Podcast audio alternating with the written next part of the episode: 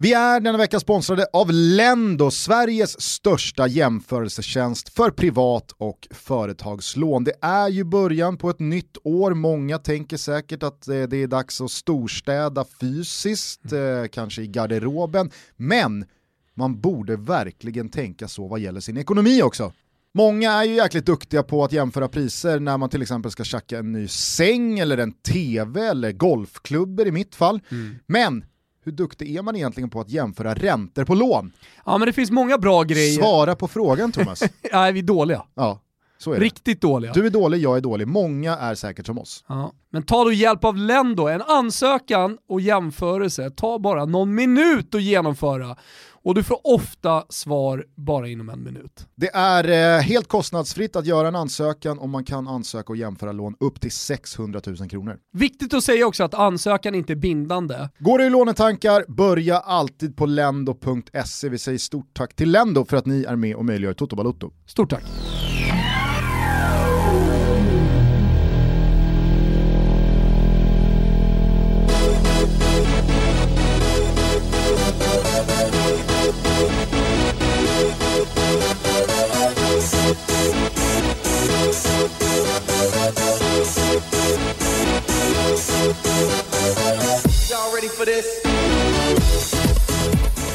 Känn er varmt välkomna till ännu ett avsnitt av Toto Balotto. Det är torsdag den 4 februari och jag måste säga att mitt liv piggades upp å det grövsta för ungefär en halvtimme sedan när jag på Twitter såg kontot DIF-historia, alltså Djurgårdshistoria, mm -hmm. skicka ut en eh, två-tweets-tråd som saluterar vår gode vän Peter Langemar. jag ser den, ju... du har skickat den till mig här nu. Det är otroligt. Det här är ju ett eh, ganska obskyrt namn. Det här är ingen spelare som eh, gjorde några jätteavtryck på svensk fotboll i stort. Nej. Men, nu ska jag tala om för dig, du som är tio år äldre än vad jag är mm. och liksom har en helt annan relation till 90-talet än vad jag har. För att jag var åtta när slangen sprang runt och sänkte Brage på stadion och sen drog till Docklands än vad du var. Du var ju 18 liksom. Så syntes vi på Docklands, jag med falsklägg, Langemar i VIP-kön. Nej men alltså, Peter Langemar är verkligen han Galna är... Docklands alltså, vilka tider det var. Friheten man kände, hela ska, kroppen bara bubblade. Ska superproducent Kim Wirsén kanske lägga en moodsling här i bakgrunden på en, en, en, låt som kan ha spelats på Docklands. Tycker jag. Någon gång 98. Eh, så, så, får vi bara en vibe här kring eh, samtalet om Peter Langemar. För att han får fungera som någon slags eh, galjonsfigur här. Mm. Alltså, det var de här spelarna som var rockstjärnorna i mitt åttaåriga liv. Man såg liksom, ja men, Langemar såg ju verkligen ut som 90-talet på två ben. Ja, det är inte, pro, det är inte produktfritt i håret. Nej, det är inte produktfritt. Det är kotlettslickat bakåt, ja. man vet att det gömmer sig en bättre guldlänk under eh, kragen. Mm. Det är liksom de lösa, stora, lite glansiga matchtröjorna. Och så vet man också att ingen hade fått för sig att dra upp strumporna över knäna men vi befann oss också i Sverige, så ingen vågade ju tänka tanken att hasa ner strumporna. Men det var ju på tider, även om man kanske inte hade det i Allsvenskan, så, så var det ju tider då Jofa kom in med sådana benskydd som såg ut som målvakts hockeybeskydd. Liksom. Exakt. Skulle prompt på de där jävlarna. Ja, så det var otroligt mycket benskydd under en strumpa som var så urtvättad av någon materialare, den hade ju gått i, den hade ju gått i arv, ja. den strumpan. Och så var det skruvdobb på svarta skor, shortsen var sådär lagom korta. Det fanns inga påsiga Maikon-shorts liksom, utan nej, nej. Det, var, det, var, det var så jävla... Sen, allt var ju träningskläder, alltså träningsoveraller var ju XXL på alla, alltså oavsett eh, vilken ålder du var, hur stor du var, allting var bara pösigt och stort. Liksom, motsatsen till det vi ser idag som är liksom högteknologiska kläder som sitter perfekt Exakt. för just den idrotten du håller på med. Ja, men, och, och DIF-historia här skickar ut då. Grattis på födelsedagen Peter Langemar. Spelade sex säsonger i Djurgården mellan 93 och 98. Började som anfallare, blev mittfältare och sen försvarsspelare. Langemar noterades för 85 matcher och 9 mål i DIF-tröjan. 98 så la han skorna på hyllan. Och det är så här, ja, det är inget mer med det. Vi känner Peter Langemar eh, som, som vänner och det var därför jag tyckte det var väldigt roligt. Men när, när DIF-historia då adderar lagfotot från 95 och jag ser liksom Djurgårdens... Inte oknulligt. Ja, men jag ser Djurgårdens upplaga här. Klebbe Sarenpää, Bosse Andersson, Kajan Eskelinen, Slangen, Kjell Frisk, eh, MP där, Martin Åslund. Alltså kolla, kolla Måsens frilla. Det är, det är nästan ännu mer 90-talet på två ben. Ja, det är fan gåshud alltså. det är sånt gåshud. Jag snackade med Martin i morse. Ja, ja men så sitter, Fin ne, alltså. så sitter Nebojsa Älskar Novakovic där också. Tror, du- tror du Nebojsa Novakovic har en guldlänk runt halsen? 1-0-1 på det. Det kan jag meddela att han har. Det är en sanslös guldlänk. Det kan ju absolut hänga ett bättre kors där i också. Jag kan också meddela att eh, Peter Langemar sitter inne på den kraftfullaste bowlingsvingen Ja. som har skådats. Ja, det finns nog ingen i världen som bovlar kraftigare än slangen. Men det var bara det jag skulle komma till, att jag fick sån jävla fin rysning i kroppen. Jag kommer ihåg hur jag som 8-9-åring sprang på Grimsta, såg väldigt mycket liksom de här årens AIK, Djurgården, Hammarby och BP. Och man tänkte det här är, det här är rockstjärnor, det här är fotbollsproffs, de här lever en dröm. Men jag menar, Langemar har ju såklart inte kvar en krona från tiden i Djurgården. Det går ingen nöd på honom å andra sidan. Självklart inte, jag menar bara att det var ju en tid då jag som åttaåring kände att vad är det för värld som, jag, som jag får växa upp i? Där Mm. Fick, spring- fick där du springer- puls när du, skulle, när du träffade Langemar på Birka bowling eh, och, och ni skulle köra? Alltså första gången sådär efter. Ja men typ. Ja, men alltså, för de, jo, men så här, de man har idoliserat när man var liten, de var, de var så stora idoler. Ja, för ja. så kan jag känna. Träffar jag en fotbollsspelare idag så liksom, jag känner ingenting. jag är ju mer Men däremot träffar jag någon som jag en gång i tiden verkligen idoliserade. Exakt. Och så behöver inte den personen kanske ha gjort så här jättemycket, men säg när Anders Limpar kommer in i studion. Ja. Känner ju mycket, mycket mer än om till exempel John Guidetti skulle komma in, eller vad vet jag? Ja, ja, herregud. Nej, men alltså, för, John Guidetti, varför tog jag det exemplet? jag vet inte. Jag träffade Mike här för en veckan igen också. Ja. Nej men alltså, Peter Langemar, Jerry Månsson, Hasse Berggren, Pagge, alltså Pascal Simpson. Där, det är Det blir, det blir inte större än så. Nej. Alltså det är, det är några av de största hjältarna som finns Mm. för mig. För att jag var 7, 8, 9, 10 bast och kände man kan alltså springa runt och se ut så här i en sån här utstyrsel på en fotbollsplan med en guldlänk runt halsen. Alltså slangen, måsen, man vet ju att de hade ju också lilla, lilla örhänget. Ja, Alltså, det- och hade jag de spelar fram till fotboll, 97 de tjänar alltså, vad, 96. sa, vad säger ni? De, de har 5000 i månaden. Och sen så drar de till Docklands på, på kvällarna och är bara kungar i stan. Nej alltså jag fick sån jävla gåshudsrysning när jag såg den här bilden på slangen. Så grattis på födelsedagen säger vi till Peter Langemar. Stort grattis på födelsedagen. Så Om jag ska messa honom och fråga vad vi ska gå ut på för låt idag. gör det. det kan jag göra. Men eh, medans du väntar på svaret där, vad var liksom 90-talet ur ett fotbollsperspektiv för dig? För du var ju ändå, här är du 19. Nej, men 90-talet ur ett fotbollsperspektiv är liksom lite mixat för min del. Alltså dels för att... Din dröm hade ju börjat dö då. Alltså Nej, min hade ju den knappt dog ens... för några år sedan. är du med? Okej, så du satt ändå, du Är du 98, med? 98 som 19-åring, För det antar jag att du är. ja jag är med. Ja. 98 som 19-åring, då, då tänkte du fortfarande att det kan gå. Oh ja, Okej, det gjorde jag. Eh, nej men eh, ne- det, alltså så här, supportermässigt så, så var ju 90-talet viktigt för mig. För att jag började ju, så var det på den tiden, 90, 91, 92 så här, då började jag gå på hockey och så när, 92 då var jag 13-14 bast och det var första gången man åkte in själv in till stan, det var vattenfestival, jag var helt tidig på liksom, att, att göra de där grejerna, jag ville bryta mig ur lilla samhället, Rönninge och sådär. Så att jag, jag, jag började gå ut med falsklägg när jag var 15 och eh, 92 började jag gå på fotboll då, SM-guldåret med AIK. Eh, så att det var liksom supportermässigt så, så var det ju väldigt mycket så här, ja, kopplat till, eh, till allsvenskan och AIK. Men mitt stora intresse, om man säger så här, brett för fotbollen, det var ju verkligen Italien. Och, och där växer det yt- ytterligare, men det började ju redan på 80-talet för min del. Jo men du Och känns som någon kom- som verkligen torskade på 90-tals estetiken när den blandades in i fotbollen. Ja, det är klart att jag gjorde det och det hade ju, hade ju att göra med att man var tonåring på den tiden och att jag gick omkring i fila hoodie, finbrallor, filaskor, guldlänk, klackring, Öppen skjorta med bara Eh, översta sök- knappen knäppt. ja, Liam sökarna, eh, backslick och var gangster liksom.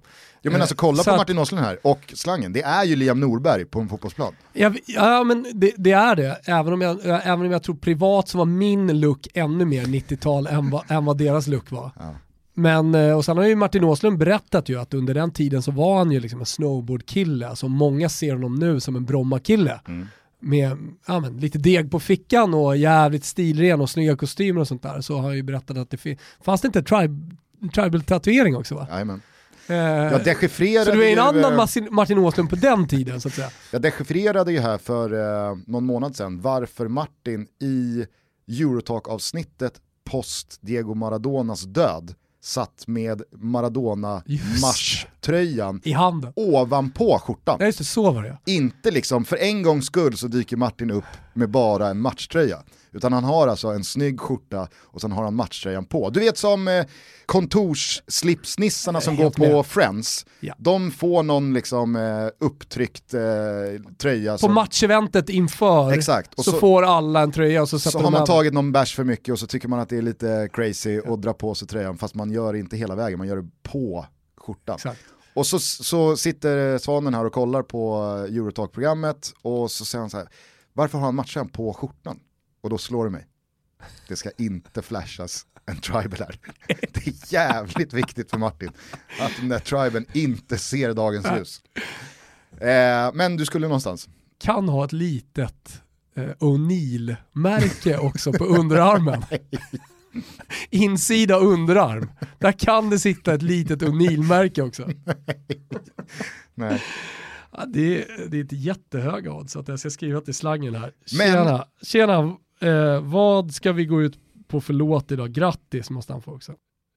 Ja men sådär, ska vi se om han svarar. Men jag tror att min egentliga fråga var så här, jag var nio, därför är det lätt att liksom sväva iväg för man vet inte var, var gränsen går. Man, man, man, jag fattade ju inte då att, att tjäna 5000 i månaden och spela i Djurgården och gå på Docklands, det är inte liksom stjärnstopp. Det finns något så mycket större och fetare ute i den stora fotbollsvärlden. Var du medveten om det som 18-19-åring? Alltså det är klart att du var, Ja. förstå mig rätt. Eh, men Men Eller 18-19-åring, kände- då börjar vi ändå prata 97, alltså, Absolut. då börjar vi gå in på... Men det jag skulle fråga var, eller kände du också som 18-19-åring att, att spela i Djurgården, eller i ditt fall då AIK Mm. kanske, eh, tjäna 5000 i månaden och gå på Docklands på, på eh, söndagskvällen, det är också drömmen. Nej, jag, jag förstår precis vad du menar. För när jag var, säg 7-8, då var ju alltså de här allsvenska spelarna som du pratar om, det var ju Kefa Olsson, det var Tony Andersson, det var Krikon och gänget i Rönning i division 3. Alltså så, här, så jag såg ju dem som hjältar och ja, men, även om de gick ner på bistron, Rönninge pizzeria och tog en bärs efter matchen, eller hängde kvar i basten i föreningsgården, ja, så, så var det fortfarande ändå en dröm liksom. Eh, och, men sen hade jag ju även perspektivet eh, van Basten och Maradona och så vidare. Men eh, något slags mellanting skulle jag nog vilja säga eh, under 90-talet. Alltså det, det var drömmen, Ab- absolut. De var hjältar. Det var, det var odö, alltså så här, untouchables var de, spelarna. Ja, verkligen. Och, och när man började gå på försäsongsmatcher på liksom ett stenhårt eh, Stadshagen, grus liksom och spelarna springer ut i knickers, så var det ju, det var idoler som sprang ut där. Ja, ja. Och eh, man, om man skulle prata med någon och säga något så laddade man hela morgonen för en mening man skulle säga. Det, det, det, det hade jag ju med Martin Åslund, alltså sådär när han kom ut och så säger jag någonting till honom då som jag har laddat sjukt mycket för. Så jag har varit ute dagen innan så jag stinker väl lite sprit och ser lite bakis ut. Eh, och han då kommenterar det, kommer jag ihåg Martin. Och, Drömmen. Ja, den här alltså, superdrömmen och mina Måste jag polare står svävat i bredvid. veckor på det? Ja det gjorde jag. Jag svävar lite fortfarande. Ja. Känns lite konstigt att, att prata ungdomsfotboll med honom. Men jag kommer ihåg, jag kommer ihåg någon eh, helgmorgon också den här tiden på året. Kan det varit 97, 98, 99 någon gång. Bayern, jag tror att det var 99. Bayern Degerfors på eh, Stadshagen. Smällkallt, stenhårt grus. Och farsan sa, ja men vi, vi kan åka och titta på den matchen. Och så tar man med sig autografblocket. Och så var det bara liksom, man bara sträckte ut det. Ah, här, här är någon Degerfors-spelare. Vad Skriv- gjorde du med autograferna sen? Nej. La i någon låda, man hade alltid massa konstiga trälådor och grejer. man- Ja. man Nej, alltså, vet, man tänkte ju inte på att uh, Micke Hellström i, i Bayern liksom kände så här, Varför vill du ha den här? Men jag tror också att spelarna kände nog att de var idoler på den tiden och de spelade allsvenskan även om det bara var 10 000 i månaden i lönekuvertet. Ja. Ja, kanske. Mm. Ah, ja, vilken jävla blast from the past. Eh, det här är ju Toto Balotto, en aktuell fotbollspodd. Här ska vi inte sitta och prata om eh, slangen och Måsens eh, backslick på ah. 90-talet. Wow. Även fast det är Jag har fått, jag fått svar från Langemar direkt. Vilken ära skriver han här. Här är en låt till dig. Figaro 2019 av eh, Balinciaga. Den är grym. Jo, Vår häst Figaro Vici startar i Lyon idag, Kul. skriver han också. För Langemar är ju väldigt eh, inne i travet. Hans mm. pappa var det. Eh, och när han la av med fotbollen så har jag förstått att eh, liksom, han hittade som många andra idrottsspelare eh, den här ja, passionen för fotbollen och adrenalinet och sådär hittade han ju väldigt mycket i travet.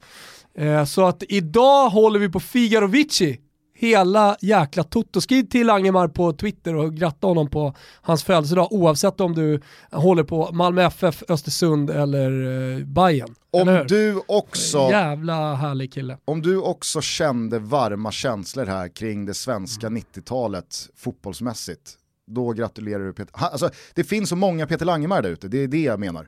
Ja. Alla har ju sin ja. Peter Langemar. Mm. Eh, men ändå lite besviken att det inte kom då någon låt som doftade mer Men han vet ju inte vad vi pratar om. alltså jag och Lange har suttit, suttit på samma kontor i två år och jobbat tillsammans. Där har vi lyssnat på just den här typen av musik. Ja, men jag, jag, jag, jag vet inte. Jo, men du fick ju det i modslingan fick du ju ja. det jag vet, men jag, jag, vill ändå leva i villfarelsen att Langemark alltid liksom går och nynnar på och bara tänker bara, men, bra beatbox på det. Förvaringsveckorna på K-Rauta rullar vidare fram till och med den 15 februari så är det 20% på Elfa-förvaring och skjutdörrar men det stannar ju inte där. Det är kampanjpriser på förvaringsboxar, hyllplan, garderober, lagerhyllor, verktyg med mera. Jag såg till exempel att det finns ett riktigt, riktigt fint klubbpris på verktygskit från Ryobi. Och så såg jag att det är kanonpriser på flyttlådor och garderober. Alltså gå in på corauta.se mm. ni också. Flanera runt lite digitalt. Boka en projektplanering ifall ni känner att ni behöver hjälp med era stundande projekt. Eller varför inte göra som jag? Pip ut till Corauta. Absolut, var herregud i... varuhusen är öppna. Jag var i stäket för några veckor sedan, morsade Visst. på Jarmo, kände, klämde, gick runt och kände hur jag bara fylldes av eh, projekt. Ja, men det, det, finns ju väldigt mycket, alltså det är ett eh, komplett eh, byggvaruhus. Jag ska bara säga två grejer som jag har köpt nu bara för att sätta det på kampanjpris. Ett nytt element ut i våran bod, helt perfekt, som håller så att det inte blir fuktigt och sådär, vet Gustav. 249 spänn, värmer effektivt, 2000 watt. Och sen, vet du vad jag också gjorde? För jag tänker på våra medfåglar. Köpte fågelmat. Tre stycken stora paket fågelmat för 199 spänn. Det liksom tog jag med mig när jag hade varit ute i Tälje i Moraberg på, på Kårauta. Så det, det, det, finns ju allt va. Det är förvaringsveckor men det är ett komplett byggvaruhus. Vi älskar Kårauta Gustav! Och ni som har varit med ett tag, ni vet att vi på vår Instagram kör lite tävlingar här och där i samarbete med Kårauta där man kan vinna fina priser. Så mm. håll utkik på våran Insta. Där kommer vi göra roliga grejer med Kårauta även framöver. Vi säger stort tack, eller kitos, mm till K-Rauta för att ni är med och möjliggör Toto Balotto. Kitos vänner. Eh, hörru du, vad tar du med dig från midweeken? Southampton åkte på en 9-0 torsk för andra gången på ungefär ett och ett halvt år. Väldigt många spelare upplevde det en gång till, inte minst Hasenüttel på tränarbänken.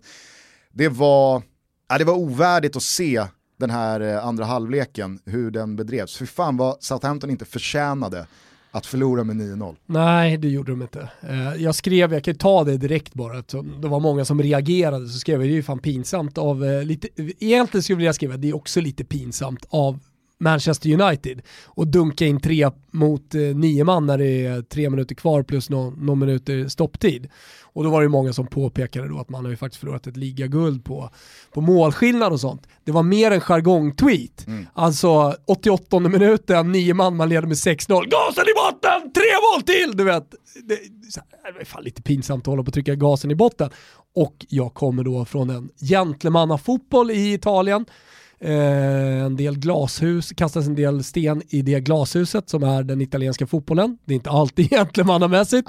Men just när det gäller väl utvalda situationer i fotbollen så kan man vara gentleman. Eh, så att eh, ibland när man läser och skriver saker själv också eh, på Twitter så, så tänker man ju i huvudet med en ton. Mm. Och här var ett sånt läge där jag tänkte det, det var fan lite pinsamt att trycka gasen i botten när man möter 10 man. 6-0 räcker väl. Det finns väl en mer utbredd empati i den italienska fotbollen för motståndarna. Ja, än vad det kanske i det gör läget. i Tyskland och i England. Jag läste ganska nyligen om en ungdomsledare i... Även fast Tyskland ska jag säga, innan någon då får nippran, att där brukar man ju när en match är död, istället för att lägga till de korrekta fyra minuterna så lägger man till en minut. Ibland inte ens någon minut. Och så blåser man på 90 där också. Ja. Jag menar bara att i Tyskland finns det ju ett mindre empatiskt mindset. Det är i alla fall min grova generalisering av tyskar som folk jämfört med eh, italienare. Mm. I alla fall inhemskt så har jag det sagt. Eh, Pep Guardiola har ju dragit sitt strå till stacken i den här diskussionen med att säga att ja, men, att vara respektfull mot motståndarna är att gasa hela vägen in på slutvisslan. Mm. För att det är, det är mindre sympatiskt att liksom lägga sig eller inte ge sitt allt för att, jag vet inte, hjälpa motståndarna på traven. Mm. Eh, så att han brukar ju prata om att det gäller att respektera sporten mm. genom att eh, gasa eh, och, och således köra på. Men eh, alla tycker olika, jag, jag, man fattar jag, ju... Jag har inga jättestarka känslor kring detta, men jag har också nyligen läst om en toskansk fotbollstränare som inte får verka kommande år typ. Eh, sen kan det ha varit ett par, tre månader sen, men Eh, han, hans lag vann typ med 40-0 och han fortsatte som ledare att elda sina spelare, att eh, ösa på. Där ligger ju stora problemet i att matchen, eftersom det är ungdomsfotboll, matchen skulle aldrig ha spelats överhuvudtaget. Hur fan, liksom, scoutade de varandra? Hur kunde den här matchen spelas? Jag menar, de måste ju ha känt till att det är ett bra lag. Jag tar inte mina tjejer och möter någon lätt gäng liksom, i Stockholm och, och bara för att vinna med 50-0. Fast utan... det, det gör ni inte, eftersom ni inte räknar mål. Ja, nej, men det, det alla mer, räknar mål. Det blir ju mer filosofiskt. Ja, att ja. Det kanske gjordes 40 mål men det, det slutade ju inte 40-0. Nej, så är det. Det var bara lite fotboll som spelades här. Mm. Ja, men så är det. Eh, du Nej. menade i alla fall på att det var, det var ovärdigt. Ja, sen var inte det hela världen. Eh, det var, det var liksom, jag ville bara ha det sagt. Och varför jag tycker synd om Southampton är i att de inte förtjänar att förlora med 9-0 och då upprepa traumat eh, mot Leicester bara ett och ett halvt år senare det, det, det, är så, det kände jag var orättvist. Och det här är ju väldigt mycket ett resultat av det röda kort som Alexander Jankovic tar efter en minut. Mm. Han Premier League-debuterar från start och är väl antagligen så övertänd att han direkt ska liksom visa alla att här kommer en 19-åring som mm. Eh, förtjänar respekt sträcker ut benet, vinklar upp sulan, tar Scott McTominay över knät och låret, inte i närheten av bollen. Det här är på mittplan, det är, liksom, det, det är det första som händer. Och det röda kortet är ju så korrekt det bara kan vara. Mm. Där någonstans tar väl Mike Dean sitt sista korrekta beslut i den här matchen, typ. Men där så är ju Southamptons match över. Så det behöver inte sluta 9-0 för, för det, såklart. Men jag vet inte, jag, man såg i Ralf Hassenhüttels ögon att nej, det där, det där var det sista vi behövde här va. Ja. Och sen så har nog alla hängt med i vad som hände, det, det dyker upp ett rött kort på Bednarek eh, och en straff som är, jag, jag fattar faktiskt ingenting. Jag trodde den här dubbelbestraffningen skulle bort, om det nu inte var ett grovt och farligt spel ja. där man inte går på boll, då är det röda kortet för det och ja, då ska det vara straff också. Ja men det, det, det, är så här, ja men det är fel och vad säger du, så tråkigt att prata om. Ja, det är ja, roligt absolut. att prata om eh, hans debut. Ja, ja verkligen. Nej, men jag, jag, vill bara spela in alla på varför det rann iväg ja, och att det var liksom så mycket emot Southampton här att jag, jag kan verkligen jag, jag, hade verkligen velat veta hur det lät i omklädningsrummet efteråt. För jag tror att Hassenhüttel det, det pyste nog ur öronen för ett och ett halvt år sedan. Alltså då tror jag att det var en hårtork som eh, aldrig slutade blåsa. Men i tisdags så kan jag tänka mig att han nog gick och klappade om sina spelare. Mm. För Southampton, de krigar ju verkligen den här matchen. Mm. United har ju en otrolig utdelning. Det är inte så att Manchester United bränner tio öppna mål, utan det blir liksom, det blir lite mål på allt och van Bissaka får någon felträff som går stolpe in och det blir eh, alltså, mål från ingenting och någon rensning som kommer ut, Scott McTominay som trycker till och den går igenom sex pers. Äh, hur slutar den här matchen 9-0? Jag, jag, tror att det var sån jävla märklig stämning i Southamptons eh, omklädningsrum efteråt. Mm. Kanske inte någon sån här rycka på axlarna, vad fan hände för Jankovic? Han tror jag hade en sämre Han lämnade väl natt. in en trans transfer request efter, eller bara ryktad? Nej, det måste vara snack. Jag såg att det var många som skrev om det. Ja. Eh, det här fick jag i alla fall oss att eh, Sånt har ju lite... hänt, eh, vill jag bara säga. Ja. Så att det, det, det är i så fall inte första gången en spelare debuterar, gör ja, men dålig prestation eller någonting idiotiskt och sen inte spelar mer i den klubben. Nej. Nej, så är det eh, Det här fick i alla fall eh, mig och dig och producent Kim Wirsén att spinna lite på vad det är för debuter man egentligen bär med sig och minns. Mm. Vi följer ju väldigt mycket fotboll alla vi tre och just debuter är ju ett speciellt segment i och med att det bara sker en gång för spelare i olika sammanhang. Mm. Eh, så då är min fråga till dig, hur, hur högt upp åker den här debuten. Ah, det finns ju, finns ju några värre, men det, det, finns ju åt det positiva hållet och så finns det åt det negativa hållet. Ja, jag, vet inte, eh, jag tror att det är många Inter-supportrar som minns Ronaldos debut, men det var ju också Rekobas debut. För Ronaldo hade kommit till Inter, alla pratade om, om honom, hans debut skulle ses av miljoner och miljoner runt om i världen. Om man ligger då under med 1-0 mot Brescia, Ronaldo har fortfarande inte gjort något mål. In kommer Rekoba som då alltså, debuterar smäller ju in den från 30 meter det första han gör, sen avgör han matchen med 2-1 mål eh, från liggande då, frispark från typ samma distans. Eh, Ronaldo går mållös från matchen, Rekoba har kommit in och vänt på steken. Rekoba, carica sinistro e finalmente il gol del Cino! Che gol signori! Un lampo improvviso dai 25 metri, entra e segna Alvaro Recoba. Parte la rincorsa di Recoba, il suo tiro, è il gol del 2-1! ed è gol del 2-1, magia di Recoba, che gol signori, che ragnatela tolta, il delirio dei 60.000 del Meazza, 2-1, doppietta di Recoba. Sånt är kul. Verkligen, men på tal om Ronaldo så hade han ju en debut i Real Madrid, som jag fortfarande än idag minns. Mm. Han hoppar in och han gör mål typ 30 sekunder senare. Mm. Fyller på med en kasse till. Eh, Real vinner stort och man känner, för där, det var ju liksom, där pikade ju Galacticos Laget. När Ronaldo, ja. När Ronaldo ja. hämtas in. Det är typ 33 sekunder så gör han mål. El balón que toca Ronaldo. Ahí está jugando el brasileño, el campeón del mundo con Brasil, dejó atrás a Cambiaso. Cambiaso ahora Roberto Carlos, va a centrar Roberto Carlos. Ronaldo baja con el pecho, puede marcar Ronaldo, Ronaldo, gol de Ronaldo. Defensa a contra del Madrid con más peligro para el quinto gol que puede marcar Ronaldo, que va a marcar Ronaldo. Ronaldo marca el quinto y el segundo de su cuenta. Gol de Ronaldo. Det var sanslöst Och så kommer doppettan på det. Ja, nej, det, det, och så jag tror att det är på pass från Zidane också. Men det blir så starkt när det är debuten för då tänker man oj vad ska det här sluta? Då börjar man tänka så här, ska han göra fem mål per match den här mm. gubben? Hur bra är han? Man har någonsin sett någon så här bra. Exakt, nej, det var... Det var... Sen landas det ju alltid ja. i de spelarna. Vad har du mer för uh, debuter? Nej men jag tror att det är många Arsenal-supportrar som minns Gervinhos uh, debut i Arsenal-tröjan. Den kommer inte jag ihåg. Han filmar i straffområdet och uh, Joe Barton glider fram och skriker på honom, ja, men så här som man gör. Den gången också. Filmare. Ja, den gången också. Eh, varpå Jervinho reagerar, alltså puttar och reagerar. Får ju rött kort, tre matchers avstängning. Så det är klart det var, var väl ingen drömdebut för, för Gervinho i Arsenal-tröja. Men det finns ju många roliga när man kollar på det. Jag, jag fiskade fram Herman Rolander, det är, det är ingen som kommer ihåg. Nej. Inte ens Pöler kan plocka den här. Men Herman Ro Rolander, jag tycker det var en rolig debut. Han Bundesliga-debuterade 1981 för Frankfurt, Eintracht. Släpper sju kassar, varav ju ett självmål också. Och sen erbjuds han eh, 50 Deutsche Mark för att riva kontraktet. Kan vara 50 000 Deutsche Mark också, men jag sätter 50 Deutsche Mark. Blev såklart eh, odödlig. Och han, han, han tog hummen. Hugger degen! Spelat en match till i, i Eintracht. Sa ni 50? Sa ni 50? Här har ni hummen. Men jag tycker Tack det är härligt att hoppa mellan, eh, mellan den typen av debuter och positiva debuter. Ja. Eh, Ravanelli i Middlesbrough möter ju eh, Liverpool. Mm. Hatten. To be placed on the penalty spot by Fabrizio Ravanelli. This to open his account in English football.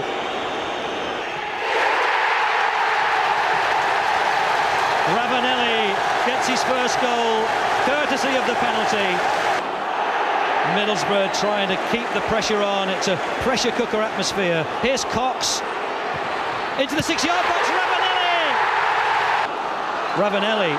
Ravanelli. Yes.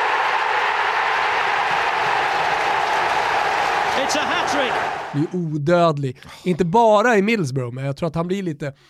Det gör... gör Var det hemma också? På Eh, Riverside va? Nej, jag tror att det var borta mot Liverpool, så han gör det på Anfield. Men jag ska inte säga att det, att det var så. Men det är ändå sådär, du blir en kultfigur i hela Premier League, i hela England, Ja. när, du, när du gör en sån där grej. Kommer som italienare i silverräven, grått hår och liksom bara smäller tre på, på, på, på pool för Middlesbrough. Det måste ändå varit ganska många gånger i slutet på 90-talet i England när italienarna kom och gjorde saker, alltså typ Di Canios volleymål, Solas frisparkar, Ravanelli och så vidare. Där många britter måste ha tagit sig för pannan och känt så här, fan, s- vad sysslar de med där nere i Italien? Vad finns det för jävla spelare? Vad, vad fan gör de med bollarna? Ja. Och så har vi liksom John Reed här, som bara liksom, det enda han kan är att springa. Kan absolut inte göra 10 på foten. Nej, men ett par, ett par eh, en, en sorglig då, Jason Crow som Arsenal debuterade 97. Rött kort efter 33 sekunder. Han var en ruskig talang och många trodde Jankovic, stort eh, om honom. Det här är mer Jankovic. Eh, han fick aldrig mer chansen, skickades ner i ligasystemen, glömdes bort. Så det, det är också deppigt då att läsa. R- Lite roligare när Jonathan Woodgate kommer till eh, Real Madrid. Ja, där kan jag säga, där pikade inte Galacticos. Kommer 2004, debuterar 2005 med dubbla gula och självmål. Well, he needed to do something to change the course of the game, and that was a block from Woodgate. And remember, Jonathan Woodgate has already been booked.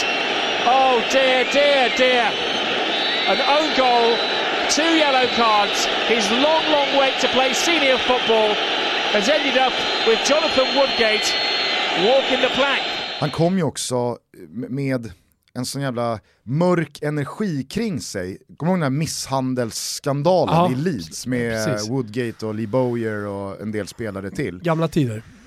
Alltså det var ju, jag vet inte, det var sån jävla mörk energi kring Woodgate. Det, var, han ville ju inte, det kändes som att han inte ville spela fotboll, han ville inte vara på planen och han kändes, han kändes så jävla brydd av att folk var typ tveksamma till honom som människa.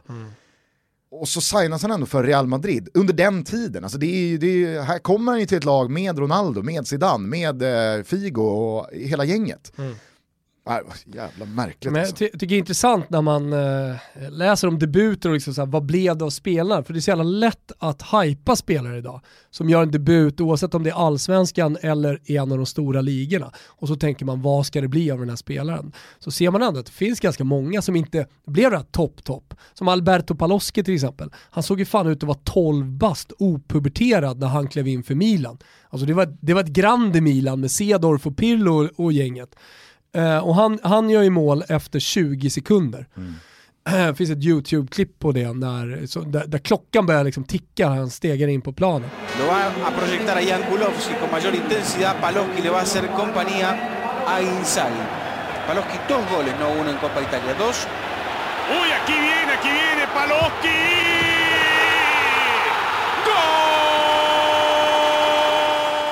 Det är nästan ett så här Lars Ricken-mål va? Ja Han exakt, kommer in och avgör för Dortmund. ja, men, precis.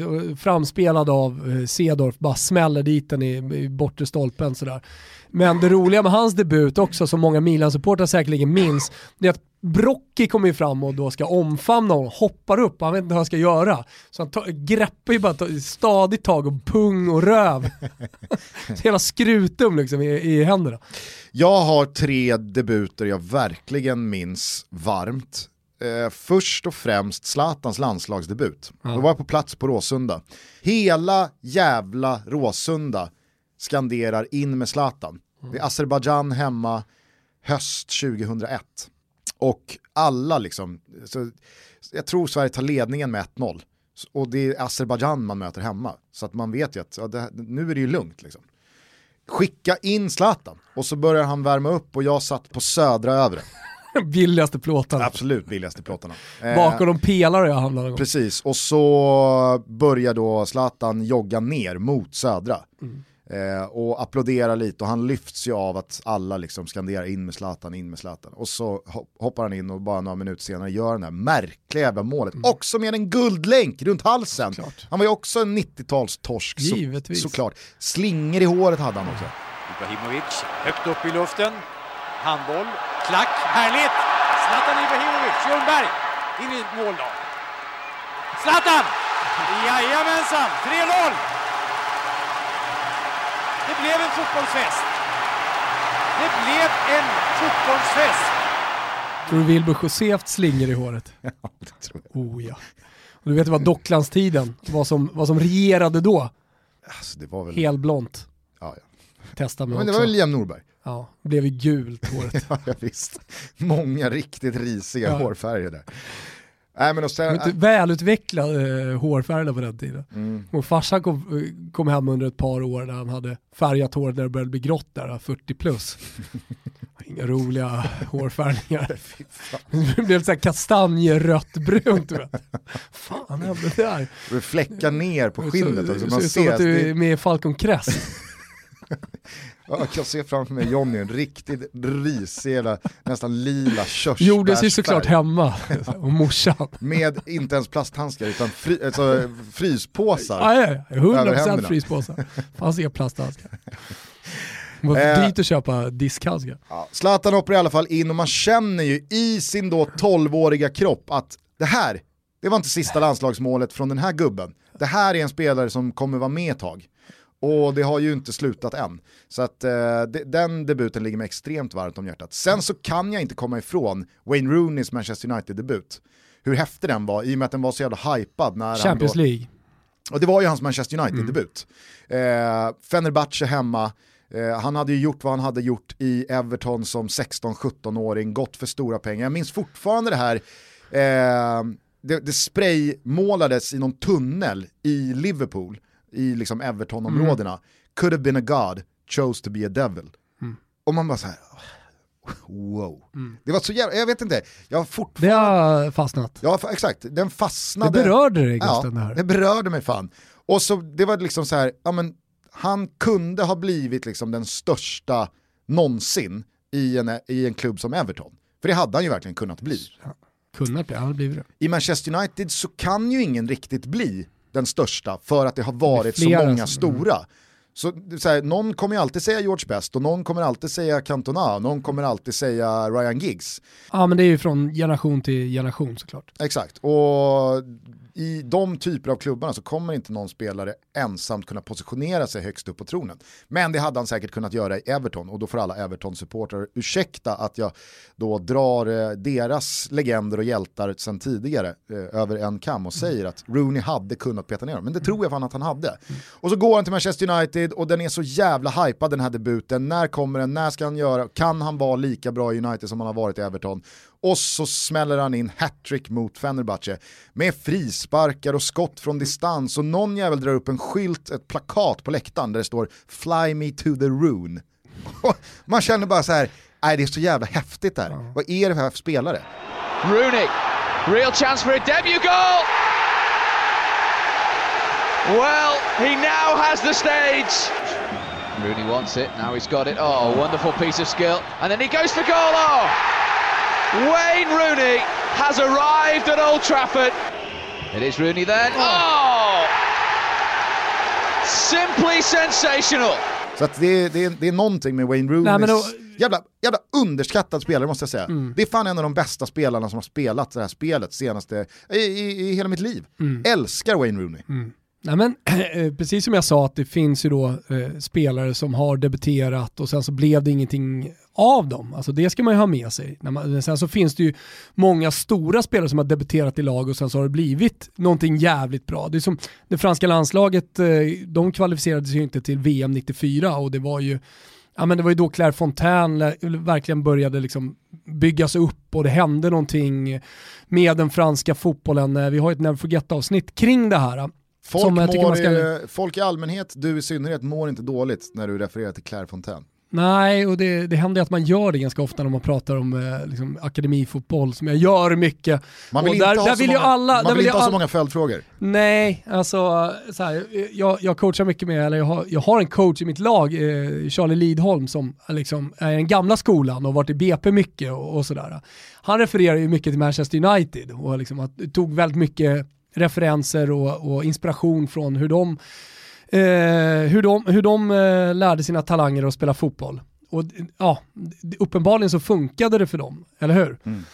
Idag, om man kollar med yngre då, akademitränare och folk med ambitioner, då pratar man ganska mycket om Clairefontaine. Alltså, vad, gör, vad gör man där? Under en lång tid så var det också väldigt mycket Ajax, Ajax-skolan.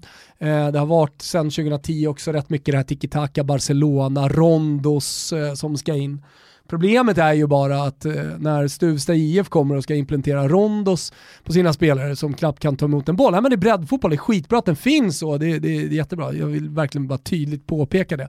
Men, men alltså Barcelona, de, de värvar ju sjuåringar från Sydamerika och de har ett upptagningsområde på liksom en miljon spelare som ska in och bli 15 i ett lag. De kan ju göra vad de vill, det kanske inte är Rondo som man ska foka på just i det laget. Nej. Skitsamma. Ja men vart skulle jag med det här? Jo, eh, Zinedine Zidane, eh, Frankrike, de kvalificerar sig inte, landslaget hade lite kris. Ma- första matchen efter VM 94, en vänskapsmatch mot Tjeck Tjeckien tänkte jag säga, men det är ju Tjeckoslovakien på den tiden. Nej, Jo, jag tror fan det. 95 var det för fan inte Tjeckoslovakien. Nej, det var det ju inte. Tjeckien spelade ju som Tjeckien i alla fall i EM 96. Ja, men det var precis efter. Med Skitsamma. och gänget. Republika Tjecka. Jävla fina 90-talstutto. Saknar muren. Järnridå. Eh, Den revs ju för övrigt 89. ja, alltså Berlinmuren ja. Eh, men jag tänker muren mot alltså hela järnrid- järnridån mot, mot öst. Liksom. Eh, saknar mig. Eh, nej, men, eh, han, Känns, han, känns också Docklands. 22 bast och på den tiden debuterade man ju ofta lite senare. Och det gjorde han, 22 bast, gjorde ju såklart dubbla kassar och sen så går man och vinner VM-guld. Alltså det var så här, man, man såg hans debut och vad som komma skulle. Zidane peut-être. Ah oui, bien joué. Attention, frappe. Et but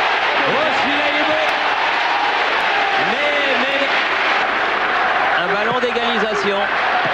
Oui Égalisation Encore Zidane. C'est le coup de deux. Vi har eh, Buffon, 17 barre, debuterar mot Marco Simone och Baggio som har chans hela tiden.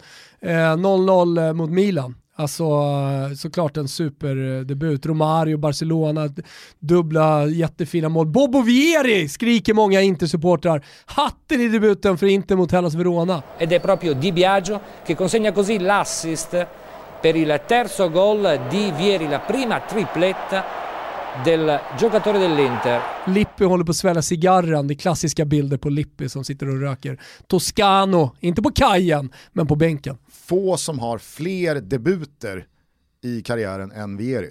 I och med att han byter klubb så jävla ofta. Ja. Han har, han har många debuter på sig att göra bra avtryck. Ja, där kan man ju prata om vad blev det med karriären och så vidare. Så här. Men ja, fan, Bobo Vieri, Bobo Vieri. Verkligen.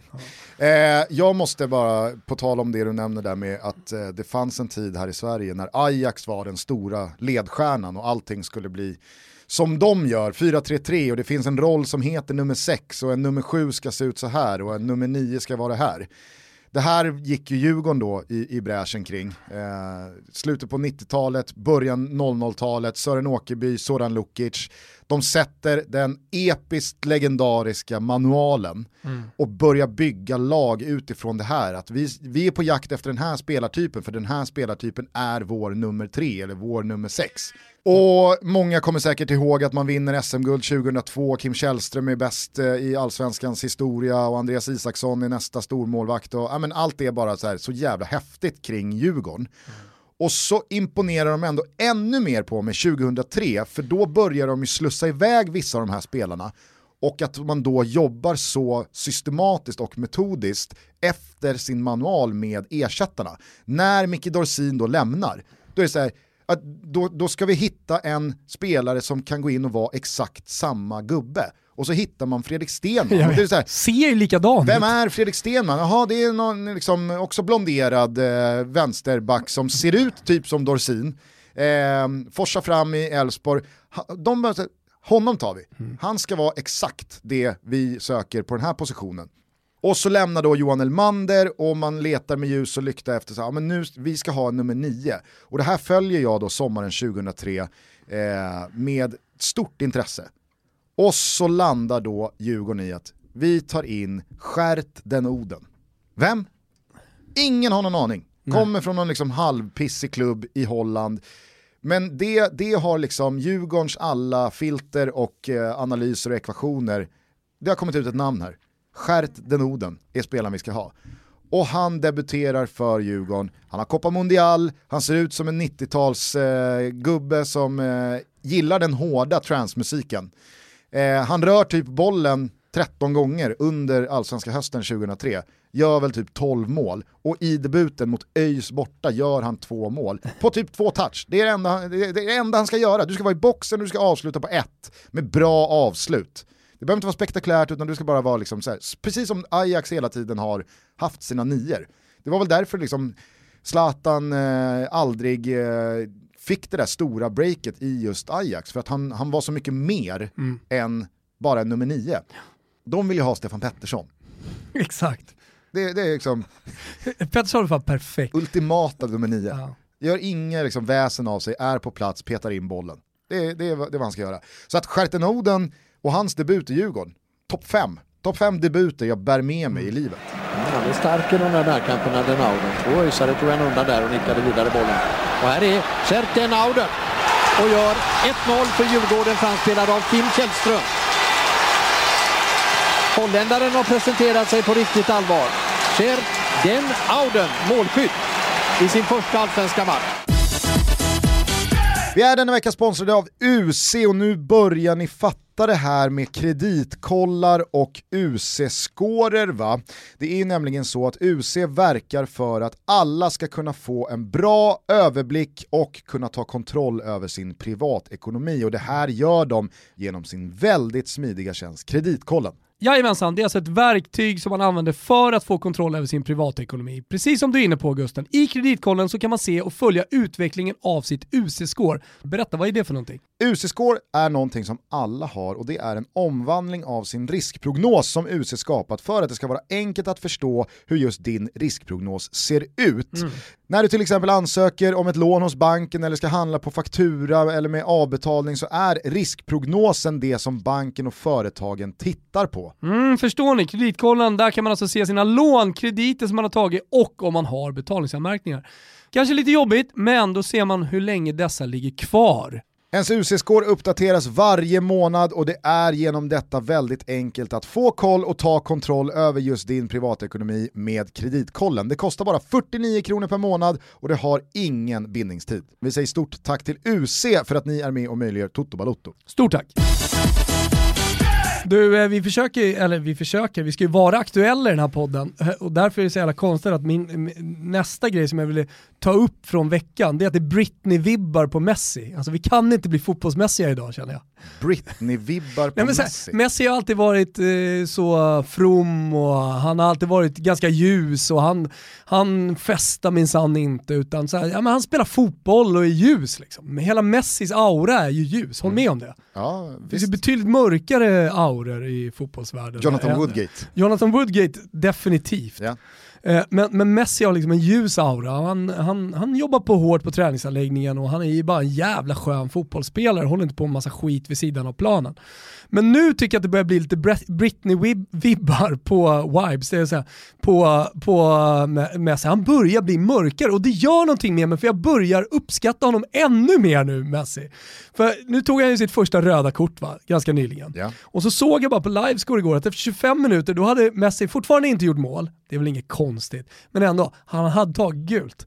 Så började jag liksom jobba det andra gula kortet så han fick andra röda och så liksom allting som händer runt om. Han- ska stämma Bartomeu och klubben och han ska lämna i sommar. Äntligen händer det någonting mörkt i Messis liv. Så att vi går då från det, kontrasten jag gillar, och det är det jag menar med Britney. Alltså, kontrasten från att vara söta lilla flickan, eh, Disney-rösten och, och allt som Britney var, till att liksom raka av sig håret, var, har liksom mörk mascara runt hela ögonen och blir liksom psykiskt instabil. Och det är väl bara det är väl liksom tvångströja mer eller mindre på, på Britney Spears och nu är hon fortfarande god man. Alltså är det så att de, Messi kanske har god man om tre år? Och jag, jag tycker på något sätt att så här, ja, då, ja, då, ja, kommer jag verkligen omfamna Messi som som persona hade varit- och inte som bara varit- fotbollsspelaren. Vet du vem som hade varit en bra god man till Messi? Langemar. Langemar har varit den perfekta goda, han har varit min goda man, Langemar. Slangen tar med Messi och bovlar. Ett tag så Som var Langemar min goda man. Bästa tiden i mitt liv. Bästa tid Han var fan i det. Eh, Okej, du vill vara lite mer aktuell. Det var ett eh, långt segment också om eh, minnesvärda debuter, men vi kan väl konstatera att Premier League eh, lite avgjordes igår va? Jag trodde, jag trodde att du skulle brygga över till uh, Jesse Lingard. Ja, okej. Det hade ju Ja. varit den perfekta bryggan och så missar du den. Det är så jävla tråkigt. Ja, det är fan dåligt. Men vi gör inte om det här utan Nej. vi är öppna med när vi missar saker Ruskigt bra också. debut av eh, Jesse Lingard då i eh, West Ham. Han fick ju för sig att hyscha. Det har varit lite snack va? I, fan, I hans fall har det fan varit lite snack. Det har varit lite snack men också för chanser. Ja, ja, visst. Men det, det Ehm. får mig också att bli berörd Gusten, Mm. när han gör det här. Så många fotbollsspelare som fastnar i de här och jag blamear dem inte. Jag har full respekt för att de stannar, för att de har feta kontrakt fortfarande. Men så många fotbollsspelare som liksom inte har fått ut sin boll för att de inte har bytt miljö. Ja, så är det, Och det verkligen. bara, så här, hur mycket fotboll har vi missat? Hur många sköna fotbollsspelare har vi missat genom åren? Framförallt den moderna fotbollen från 2000 och framåt. Där För att man väl- sitter kvar och eh, återigen, jag respekterar det, men jag tycker det är lite trist. Och där är väl återigen ett namn som vi redan har bollat upp den perfekta cirkelslutningen i den där diskussionen. John Guidetti. Ja. Alltså, jag förstår och backar honom till 100% att han sitter med sitt monsterkontrakt i Mm. Spanien. Men det monsterkontraktet, det, det tar ju långsamt... Exakt, det tar ju långsamt död på hans karriär. Mm, ja. Och när han snart, i relativa termer, om två, tre år, börjar liksom trappa ner, vad, kommer vi, vad, vad, vad, vad, vad blev det för karriär? Ja. Ja, det det blev ett tråkigt. U21 EM-guld och det blev en otrolig vår i Feyenoord. Men någonstans där så stannade det. Tog det slut ja. Eller? Mm. Tyvärr. Eh, visst. Men jag har Jesse- fortfarande hopp om JG. Jag med. Mm. Men eh, ska han sitta ut det här kontraktet utan att spela fotboll? Han är min Mario Balotelli i Sverige. Läste för övrigt Mancinis ord här i veckan och blev återigen hoppfull och berörd. Jaha. Att eh, Mario Balotelli fortfarande har chans på EM. Nu är han skadad i Monza visserligen, men det är några månader kvar. Det är det. Eh, Jesse Lingard i all ära, varför jag pratade om Premier League som eventuellt avgjord då, det var ju för att Liverpool mycket oväntat gick på pumpen hemma mot eh, Graham Potters Brighton. Vilken jävla vecka han har då. Ja. Först slå Tottenham och sen Liverpool på bortaplan. Eh, City gjorde ju givetvis jobbet borta mot Buchner Burnley, filar på krönikan. förmodligen. Det hade jag gjort. Och Man nu- ska hämta hem grejer. Verkligen. Eh, och nu så möts man alltså på söndag. Det är väl matchboll? Ja. Det är väl matchboll City här? Ja, ja. Nej men alltså det är inget snack. Det är klart att det är matchboll. Hur ska de ens, alltså för det första så här, det är inte Leicester eller Spurs som faktiskt har en eh, lägsta nivå som man kanske kan se i en spåkula. Utan eh, det är ett City, det är en Pep Guardiola som har fått vittring, det är inte speciellt lång tid kvar på säsongen, det är väldigt många poäng som ska hämtas igen. Alltså allting, allting talar för att det är matchboll. Oddsen på att det skulle vara någonting annat än matchboll är ju skyhöga. Mm. Ja, det blir en jävla match i alla fall att se fram emot eh, på söndag. Eh, någonting annat du tar med dig från Midweek? Juventus, stor insats borta mot Inter i eh, Coppa Italia-semin. Ja, och helt plötsligt så hade man bestämt sig för att köra hemma borta. Jag skrev ju i Juventus i finalen eftersom det var semifinal, men då är det tydligen hemma borta. Mm. Och det här lärde jag mig efter Atalanta-Napoli på onsdagen. Så att jag, jag, jag skrev in dem i finalen eh, och hade dem i finalen ganska länge. Men det finns någonting där absolut som vi kanske inte behöver prata speciellt mycket om idag, men med Juventus som jag tycker är intressant för återstående delen av, den återstående delen av säsongen. Både vad det gäller Champions League och vad det gäller ligan. Det verkar landa ganska bra det här med Pirlo. Mm. Och eh, man ska, man ska, eh, anledningen att vi inte pratar om det speciellt mycket idag, det är för att man vill se några matcher till. Och man vill se att det finns en liksom, konsekvent hög nivå i Juventus och man vill se Pirlo kanske rotera lite mindre att bestämma sig för en startelva, inte minst på centralt mittfält men även offensivt. Jag tycker också att eh, Cristiano. Ronaldo ser eh, annorlunda ut för dagen. Ja, men han känner ju att det är Champions hade League på G. halvjobbig december, januari. Svär att det är med flit alltså. Blev lite ifrågasatt efter insatser, i synnerhet mot Milano-lagen. Men nu de här senaste insatserna, han känns, nu, nu är han on a mission igen. Mm. Nu, nu ska han visa vem som bestämmer. Lukaku Som man ska flyga i dit. Portugal, som man ska flyga borta mot Porto. Ja. Och så är det Milano-derby där eh, att Milan och Inter möts i ligan. Juventus har nog aldrig gett upp den där ligatiteln. Lilla fina krysset där i, i Derby della Madonnina. Mm. Ah, vilken, eh, vilken februari månad vi, eh, vi har. Ja, den är Och otrolig. lever i. Det är otroligt. Vi eh, kan väl eh, återigen bara passa på att flagga för Serie A-helgen och La Liga-helgen och Fotbollssöndag Europa-helgen eh, i Simors kanaler. Börjar redan imorgon, Fiorentina-Inter. Vilken match. Mm. Juventus-Roma lördag. Det blir 100 mål i Fiorentina Inter. Framförallt så blir kanske 96 då bakåt för Fiorentina. Och på söndag så öppnar vi upp Fotbollssöndag Europastudion 20.00. Vi har Lazio Cagliari från Italien men också Real Betis mot Barcelona som huvudmatch. Vet du varför man ska se Fiorentina Inter? Nej. För att Sasha kommer debutera. Kokorin. AK. Mm. AK47 va? AK47 ska debutera. Vad tog han för nummer? start. 91 födelseår. Trist. Trist. Trist, trist, trist. Ja, in, in, inte speciellt artistigt. Vet du varför man ska kolla på Fotbollssöndag Europa också på söndag? För att då har ni någon speciell gäst. Nej. Eh, vi kommer ha stort fokus på Sergio Canales. Gör ju Ah. en dundersäsong eh, i sin revival här i Real Betis.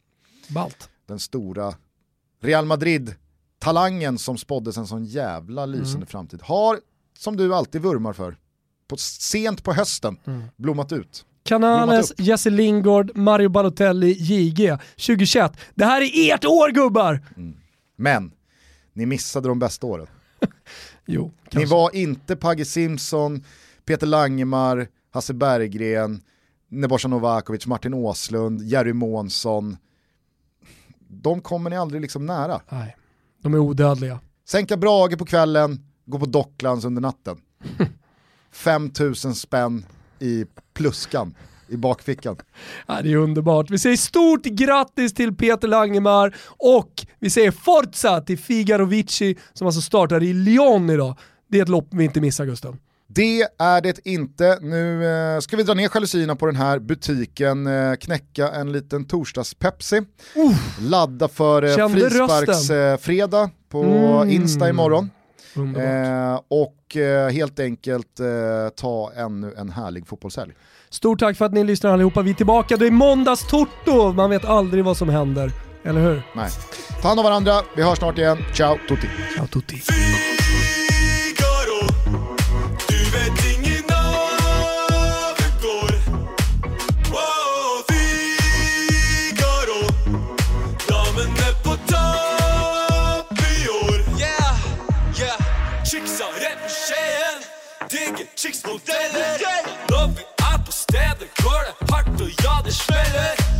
Damen ser jagar på biten Damen är häller ner sprit. Är du i tvil, kom får du se. Alltså Assen är den är ikke liten Promillen går till hodet. Damen är på bordet. Flaskor ska bli tomme ikväll kväll. Figaro i zonen. Hype och pickerone Chicksa ska bli dumme ikväll